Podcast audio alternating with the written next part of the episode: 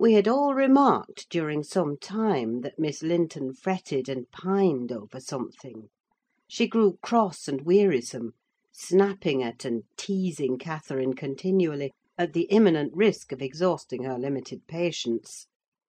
We excused her to a certain extent on the plea of ill health: she was dwindling and fading before our eyes. But one day, when she had been peculiarly wayward, rejecting her breakfast, complaining that the servants did not do what she told them, that the mistress would allow her to be nothing in the house, and Edgar neglected her; that she had caught a cold with the doors being left open, and we let the parlour fire go out on purpose to vex her; with a hundred yet more frivolous accusations, Mrs. Linton peremptorily insisted that she should get to bed, and having scolded her heartily, threatened to send for the doctor. Mention of Kenneth caused her to exclaim instantly that her health was perfect, and it was only Catherine's harshness which made her unhappy. "How can you say I'm harsh, you naughty fondling?" cried the mistress, amazed at the unreasonable assertion. "You are surely losing your reason! When have I been harsh, tell me?" "Yesterday," sobbed Isabella, "and now." "Yesterday?" said her sister in law. "On what occasion?" "In our walk along the moor. You told me to ramble where I pleased, while you sauntered on with Mr. Heathcliff." "And that's your notion of harshness?" said Catherine, laughing. "It was no hint that your company was superfluous. We didn't care whether you kept with us or not. I merely thought Heathcliff's talk would have nothing entertaining for your ears." "Oh, no!" wept the young lady. "You wished me away because you knew I liked to be there." "Is she sane?" asked Mrs. Linton, appealing to me. "I'll repeat our conversation word for word, Isabella, and you point out any charm it could have had for you." "I don't mind the conversation," she answered. "I wanted to be with—" "Well?" said Catherine, perceiving her hesitate to complete the sentence. "With him; and I won't always be sent off," she continued, kindling up. "You are a dog in the manger, Cathy, and desire no one to be loved but yourself." "You are an impertinent little monkey!" exclaimed Mrs. Linton, in surprise. "But I'll not believe this idiocy. It's impossible that you can covet the admiration of Heathcliff: that you consider him an agreeable person. I hope I have misunderstood you, Isabella?" "No, you have not," said the infatuated girl. "I love him more than ever you loved Edgar; and he might love me, if you would let him." "I wouldn't be you for a kingdom, then!" Catherine declared emphatically; and she seemed to speak sincerely. "Nelly, help me to convince her of her madness. Tell her what Heathcliff is: an unreclaimed creature, without refinement, without cultivation; an arid wilderness of furze and whinstone. I'd as soon put that little canary into the park on a winter's day as recommend you to bestow your heart on him. It is deplorable ignorance of his character, child, and nothing else, which makes that dream enter your head. Pray don't imagine that he conceals depths of benevolence and affection beneath a stern exterior. He is not a rough diamond, a pearl–containing oyster of a rustic. He's a fierce, pitiless, wolfish man. I never say to him, 'Let this or that enemy alone, because it would be ungenerous or cruel to harm them.' I say, let them alone, because I should hate them to be wronged.' And he'd crush you like a sparrow's egg, Isabella, if he found you a troublesome charge. I know he couldn't love a Linton; and yet he'd be quite capable of marrying your fortune and expectations. Avarice is growing with him a besetting sin. There's my picture, and I'm his friend: so much so, that had he thought seriously to catch you, I should perhaps have held my tongue, and let you fall into his trap." Miss Linton regarded her sister in law with indignation. "For shame! for shame!" she repeated angrily. "You are worse than twenty foes, you poisonous friend!" "Ah! You won't believe me, then?" said Catherine. "You think I speak from wicked selfishness?" "I'm certain you do," retorted Isabella; "and I shudder at you." "Good!" cried the other. "Try for yourself, if that be your spirit. I have done; and yield the argument to your saucy insolence." "And I must suffer for her egotism!" She sobbed, as Mrs. Linton left the room. "All, all is against me! She has blighted my single consolation. But she uttered falsehoods, didn't she? Mr. Heathcliff is not a fiend: he has an honourable soul, and a true one, or how could he remember her?" "Banish him from your thoughts, Miss," I said. "He's a bird of bad omen: no mate for you. Mrs. Linton spoke strongly, and yet I can't contradict her. She is better acquainted with his heart than I, or any one besides; and she never would represent him as worse than he is. Honest people don't hide their deeds. How has he been living? How has he got rich? Why is he staying at Wuthering Heights, the house of a man whom he abhors? They say Mr. Earnshaw is worse and worse since he came. They sit up all night together continually, and Hindley has been borrowing money on his land, and does nothing but play and drink. I heard only a week ago—it was Joseph who told me—I met him at Gimmerton. "Nelly," he said, "we's high crowners' quest to know at our folks. One on 'em's a'most gotten his finger cut off with holding t'other fro' sticking hisself loike a calf. That's maister, you know: That's sore but going to grand sizes. He's noan feared o' bench o' judges, nor the Paul, nor Peter, nor John, nor Matthew, nor noan on 'em, not he! He fair likes—he langs to set his brazen face again 'em. An' yon bonny lad, Heathcliff, you mind, he's a rare un: he can girn a laugh as well as anybody at a right divil's jest. Does he niver say naught of his fine living amang us, when he goes to Grange? This is t' way on't: up at sundown, dice, brandy, cloised shutters, and cannle light till next day at noon; then t' fool gangs banning and raving to his cham'er, making dacent folks dig their fingers in their lugs for varry shame; un' the knave, why, he kent his brass, un' ate, un' sleep, un' off to his neighbours' to gossip wi' wife. "Of course he tells Dame Catherine how her father's gold runs into his pocket, and her father's son gallops down t' broad road, while he flees afore to oppen pikes." "Now, Miss Linton, Joseph is an old rascal, but no liar; and if his account of Heathcliff's conduct be true, you would never think of desiring such a husband, would you?" "You are leagued with the rest, Ellen," she replied.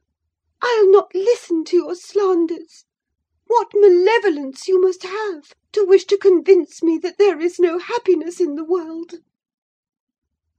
Whether she would have got over this fancy if left to herself, or persevered in nursing it perpetually, I cannot say: she had little time to reflect.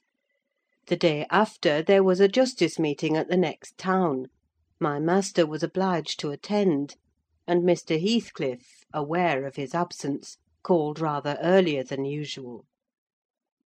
Catherine and Isabella were sitting in the library, on hostile terms, but silent: the latter, alarmed at her recent indiscretion, and the disclosure she had made of her secret feelings in a transient fit of passion; the former, on mature consideration, really offended with her companion, and, if she laughed again at her pertness, inclined to make it no laughing matter to her. She did laugh as she saw Heathcliff pass the window. I was sweeping the hearth, and I noticed a mischievous smile on her lips. Isabella, absorbed in her meditations or a book, remained till the door opened, and it was too late to attempt an escape, which she would gladly have done had it been practicable. "Come in, that's right!" Exclaimed the mistress gaily, pulling a chair to the fire. "Here are two people sadly in need of a third to thaw the ice between them, and you are the very one we should both of us choose. Heathcliff, I'm proud to show you, at last, somebody that dotes on you more than myself. I expect you to feel flattered. Nay, it's not Nelly, don't look at her! My poor little sister in law is breaking her heart by mere contemplation of your physical and moral beauty. It lies in your own power to be Edgar's brother. No, no, Isabella, you shan't run off," she continued, arresting with feigned playfulness the confounded girl, who had risen indignantly. "We were quarrelling like cats about you, Heathcliff, and I was fairly beaten in protestations of devotion and admiration. And, moreover, I was informed that if I would but have the manners to stand aside, my rival as she will have herself to be, would shoot a shaft into your soul that would fix you for ever, and send my image into eternal oblivion." "Catherine!" Said Isabella, calling up her dignity, and disdaining to struggle from the tight grasp that held her. "I'd thank you to adhere to the truth, and not slander me even in joke. Mr. Heathcliff, be kind enough to bid this friend of yours release me. She forgets that you and I are not intimate acquaintances, and what amuses her is painful to me beyond expression."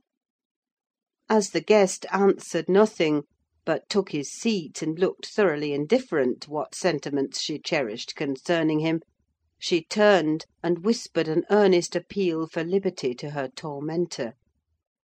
"By no means!" cried Mrs. Linton in answer. "I won't be named a dog in the manger again. You shall stay. Now, then, Heathcliff, why don't you evince satisfaction at my pleasant news? Isabella swears that the love Edgar has for me is nothing to that she entertains for you. I'm sure she made some speech of the kind: did she not, Ellen? and she has fasted ever since the day before yesterday's walk, from sorrow and rage that I despatched her out of your society, under the idea of its being unacceptable." "I think you belie her," said Heathcliff, twisting his chair to face them. "She wishes to be out of my society now, at any rate." And he stared hard at the object of discourse, as one might do at a strange repulsive animal: a centipede from the Indies, for instance, which curiosity leads one to examine in spite of the aversion it raises. The poor thing couldn't bear that: she grew white and red in rapid succession, and while tears beaded her lashes, bent the strength of her small fingers to loosen the firm clutch of Catherine and perceiving that as fast as she raised one finger off her arm another closed down, and she could not remove the whole together, she began to make use of her nails, and their sharpness presently ornamented the detainers with crescents of red. "There's a tigress!" exclaimed Mrs. Linton, setting her free, and shaking her hand with pain. "Begone, for God's sake, and hide your vixen face! How foolish to reveal those talons to him! Can't you fancy the conclusions he'll draw? Look, Heathcliff! they are instruments that will do execution. You must beware of your eyes." "I'd wrench them off her fingers if they ever menaced me," he answered brutally, when the door had closed after her. "But what did you mean by teasing the creature in that manner, Cathy? You were not speaking the truth, were you?" "I assure you I was," she returned. "She has been dying for your sake several weeks, and raving about you this morning, and pouring forth a deluge of abuse, because I represented your failings in a plain light, for the purpose of mitigating her adoration. But don't notice it further: I wish to punish her sauciness, that's all. I like her too well, my dear Heathcliff, to let you absolutely seize and devour her up." "And I like her too ill to attempt it," said he, "except in a very ghoulish fashion. You'd hear of odd things if I lived alone with that mawkish waxen face. The most ordinary would be painting on its white the colours of the rainbow, and turning the blue eyes black every day or two. They detestably resemble Linton's." "Delectably!" observed Catherine. "They are dove's eyes, angels!" "She's her brother's heir, is she not?" He asked, after a brief silence. "I should be sorry to think so," returned his companion. "Half a dozen nephews shall erase her title, please Heaven! Abstract your mind from the subject at present. You are too prone to covet your neighbour's goods: remember this neighbour's goods are mine." "If they were mine, they would be none the less that," said Heathcliff. But though Isabella Linton may be silly, she is scarcely mad; and, in short, we'll dismiss the matter as you advise." From their tongues they did dismiss it, and Catherine probably from her thoughts. The other, I felt certain, recalled it often in the course of the evening. I saw him smile to himself, grin rather, and lapse into ominous musing whenever Mrs. Linton had occasion to be absent from the apartment. I determined to watch his movements. My heart invariably cleaved to the master's in preference to Catherine's side: with reason, I imagined, for he was kind, and trustful, and honourable; and she—she could not be called opposite, yet she seemed to allow herself such wide latitude that I had little faith in her principles, and still less sympathy for her feelings. I wanted something to happen which might have the effect of freeing both Wuthering Heights and the Grange of Mr. Heathcliff quietly, leaving us as we had been prior to his advent. His visits were a continual nightmare to me, and, I suspected, to my master also. His abode at the Heights was an oppression past explaining. I felt that God had forsaken the stray sheep there to its own wicked wanderings, and an evil beast prowled between it and the fold, waiting his time to spring and destroy.